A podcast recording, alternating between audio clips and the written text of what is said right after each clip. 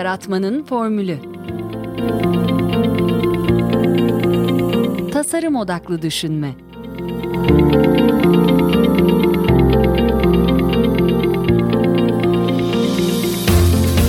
Merhaba, ben Mete Yurtsever, Yaratmanın Formülü Podcast'inin ev sahibiyim. E, kitap kulübünde geçtiğimiz hafta 7. buluşmamızda Guy Standing'in Prekarya adlı kitabını konuştuk. E, yine bu kayıtta katılımcılarımızın kitaba ilişkin görüşlerine zaman verdiğince kısaltarak yer vereceğim. E, üye sayımız 160'ı geçti ancak e, bu defa e, toplantı mevcudumuz her zamankinin yarısı kadardı. E, sanıyorum tatile veya e, tatil telaşına denk geldik. Ben de aslında bu kaydı size e, açık havada çok sıcak bir çeşme sabahında kaydediyorum. E, öncelikle kitap hakkında birkaç not aktarayım. E, 2010 yılında yayınlanmış bir kitap ama güncelliğinden yitirmediği gibi özellikle e, pandemi sonrasında e, değişen çalışma hayatına ilişkin çok geçerli tespitler olduğunu söyleyebilirim. E, prekarya, e, precarious ve proletarya kelimelerinden türetilmiş. E, yeni güvencesiz çalışanları tanımlıyor. E, proletarya ve orta sınıf e, gibi anlamını yitiren tanımlardan e, doğan boşluğu dolduruyor diyebiliriz. E, bu grup e, şu an için çok net ayrıştırılabilir gibi görünmüyor ve farklı profillerden oluşuyor ama e, kitabın e, çalışma hayatına ve toplumun geleceğine ilişkin çok çarpıcı tespitleri var. E, çözüm önerilerine de e, değiniliyor son bölümde ancak e, insanlara güven verecek bir e, yarın vadinin e, şüphesiz kolay ve tek bir çözümü yok. Yorumlara geçmeden önce iki talebim olacak sizden. Birincisi Apple Podcast'te benim için bir değerlendirme yapmanızı, yıldız vermenizi rica edeceğim. Bu podcast'in daha çok kişiye ulaşmasını sağlayacak. Bir diğeri de eğer haftalık e-posta bültenine üyeyseniz ama benden bir mesaj alamıyorsanız, e, özellikle Gmail kullanıyorsanız ki bu bayağı yaygın, e, lütfen e, tanıtım, update, social promotion gibi isimleri olan e, kategoriler bölümündeki klasörlere e, bir göz atın. E, hatta en iyisi mete.inolabs.ist adresimi e, bağlantılarınızı ekleyin. E, evet şimdi kaydımıza geçebiliriz. E, bu bölümde görüşlerine yer verdiğim katılımcılarımız sırasıyla Yasemin Karakaya, Burak Bilgin, Hatice Ergüven Doydum e, ve tekrar Yasemin Hanım. E, teşekkürler. Ben açıkçası bu kitabı evet zor okunan bir kitap. Hani çok kolay okunan bir kitap olduğunu söyleyemem açıkçası. Çünkü içerisinde birçok disiplini barındırıyor. Siyaset de var, siyasetin dışında sosyoloji de var, sosyolojinin dışında psikoloji var, psikolojinin dışında hukuk var, say say bitmiyor. Yani o kadar çok disiplini bir arada kullanmış bir kitap ki. Bu arada ben tam bir prekaryayım. Nasıl öyleyim? Şimdi ben 15 yıl devlet memurluğu yapmış bir insanım. Yani hem iş hem de maaş güvencem vardı. Ama sistem beni anlam arayışının içerisinde olduğum için ve özellik kavramının dışında bıraktığı için e, ben devlet memurluğundan ayrıldım ve sonra özel sektöre geçtim.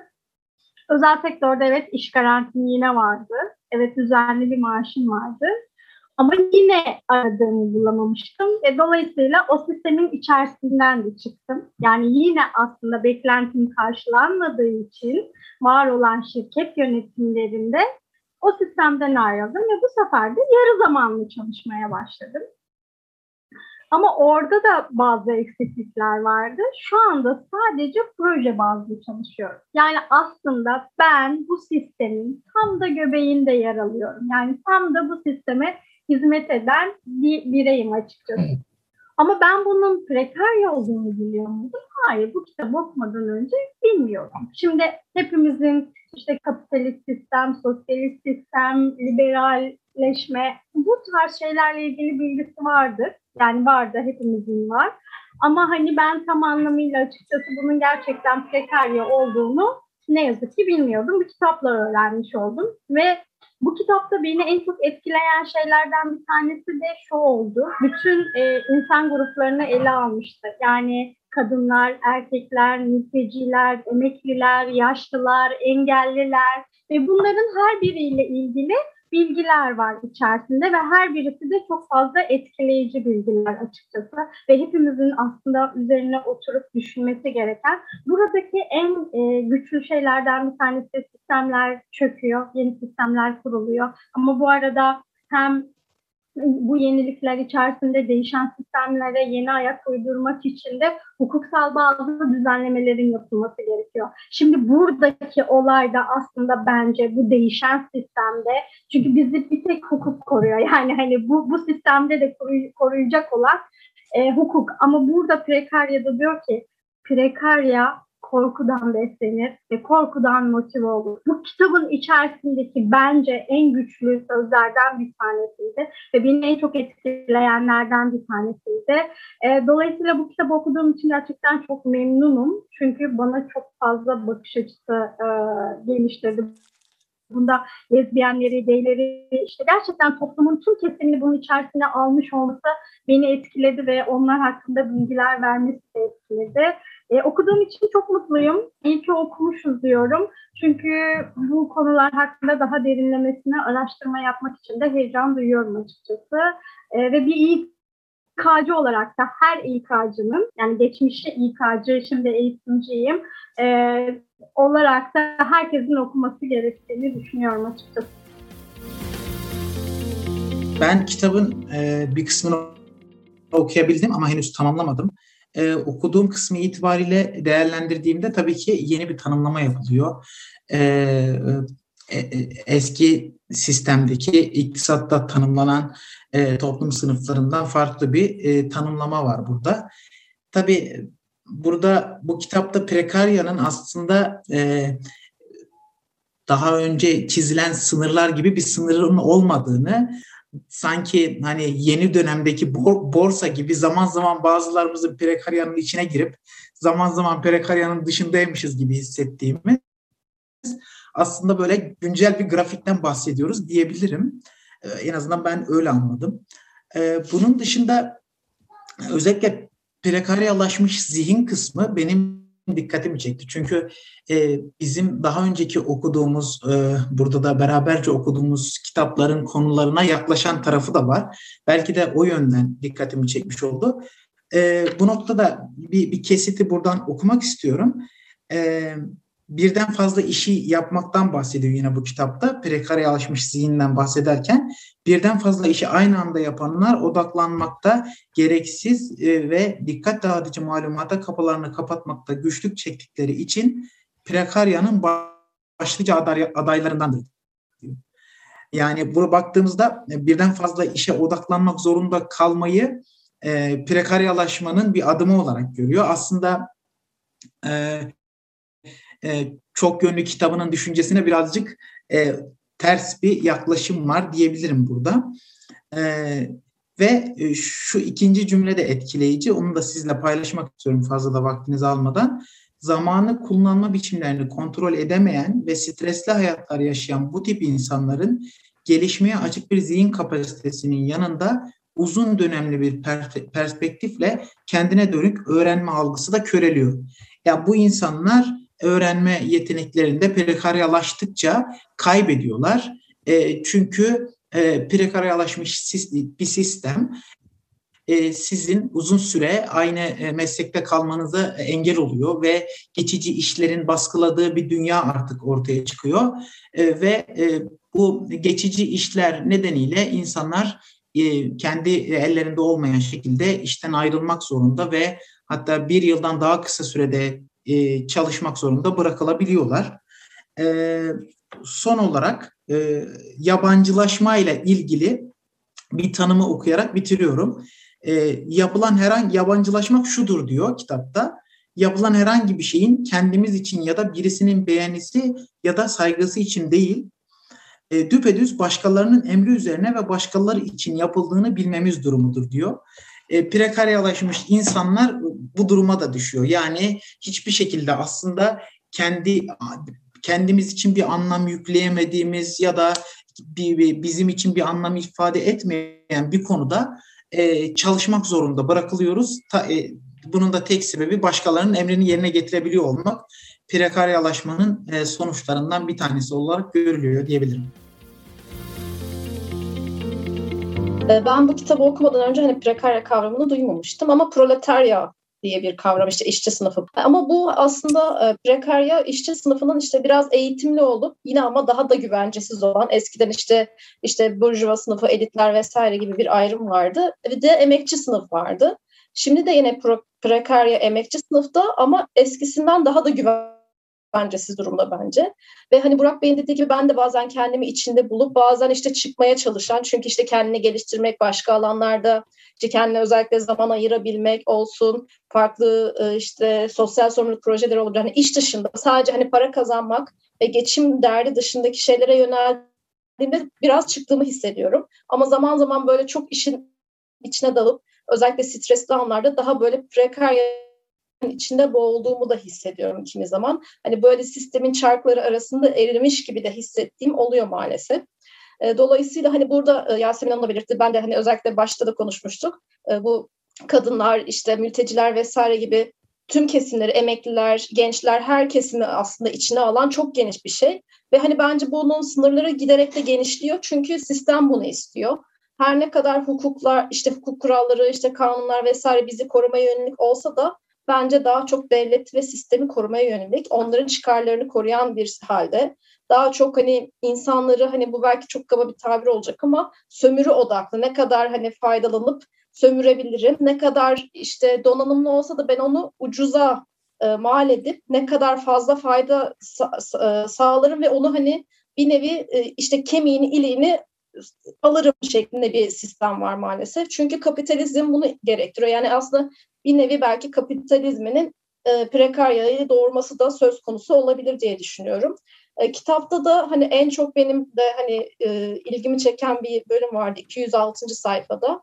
E, aslında modern piyasa toplumunda vasıf açından ziyade vasıf fazlası olduğu yani milyonlarca insanın uygulama fırsatı olmayacak kadar bir dolu beceriye sahip olduğu da iddia edilebilir. Ki bunu ben bizzat yaşamış biri olarak söyleyebilirim. Ben daha önce yani kimya mühendisiyim, doktoram var ve akademisyen olmayı planlıyordum açıkçası ya da bir ARGE gibi düşünüyordum ama ülkemizde maalesef hani akademik hayatı da biraz içine girip işte o sistemdeki ast üst ilişkisini gördükçe bazen diyorum ki iyi ki de olmamışım. Çünkü o da farklı bir alem. Hani orada daha insanlar işte bilinçli, daha görüşleri ve vizyonları açık gibi düşünebiliyorsunuz. Orada da ama çıkar çatışmaları, işte yerini sağlama alma, güvenceye alma, ekip kurma, işte başkasının ayağını kaydırma gibi şeyleri görünce e, açıkçası hani hayalimdeki akademik hayat çok farklıymış onu gördüm. Ki iyi ki de hani da, tamam doktoramı da hani bir yola girdiğim için tamamladım. Ama mesela bu özel sektörde çalışma ve başvurular yaptığımda bana neden doktora yapıyorsun? Niye fazla var gibi sorular. Hatta hani birçok e, sektörde de özellikle yeni mezun olunca hani bir iş tecrübesi de olmuyor. E, şey işte sen bize fazla gelirsin, işte daha çok maaş istersin gibi bir algıyla da karşılaştım. Yani dezavantajlı durumlara da düştü. Yani neden doktora yapıyorsun gibi bir soru açıkçası ne kadar değer ver, verildiğini de gösteren bir şey. Hani bu da çok acı bir durum. Bilmiyorum sadece ülkemizde mi bu durum ama bence diğer ülkelerde de buna benzer şeyler belki zaman zaman yaşanıyordur. Hani sizler özellikle yurt dışında yaşayanlar belki daha fikir sahibi olabilirsiniz. Devamında da şey diyor, çok sayıda insanın kullanmadığı ve beyinlerinde öylece paslanan bir diploması var. Gerçekten bu da çok acı. Ama hani biraz da hakikaten mesela bu pandemi döneminde özellikle bu işte günlük işlerde çalışan insanlar, işte müzisyenler olsun, işte e, dükkan yani günlük olarak hani bir belli maaşı olmayıp günlük olarak kazanç sağlayanlar aslında prekaryanın en dipteki e, sınıfın yani temsilcileri oluyorlar ve bu dönemde e, pandemide e, güvencesizliklerini hatta devlet tarafından ne kadar desteklendiklerini ya daha doğrusu desteklenmediklerini gördüğü için çok acı tecrübe etmiş durumdalar. Bu anlamda da belki o insanların çok daha fazla tabii ki hani donanımı var, kapasitesi var ama maalesef kullanamıyor ve geçim der. Yani bir yerde mesela işte sosyal sorumluluk projesi bu hani Maslow piramidinde de önce insan kendi ahlini doyuracak ki daha sonra diğer şeylere yönelebilsin. Ama biz daha böyle altlarda debelendiğimiz için çoğu ve onu da e, maalesef özellikle tüketimle de bunu da sürüklendirdiğimiz için mesela maaşı ne kadar iyi olsa da insanların işte alım ve tüketim çılgını da o kadar artıyor yine borçlu oluyor.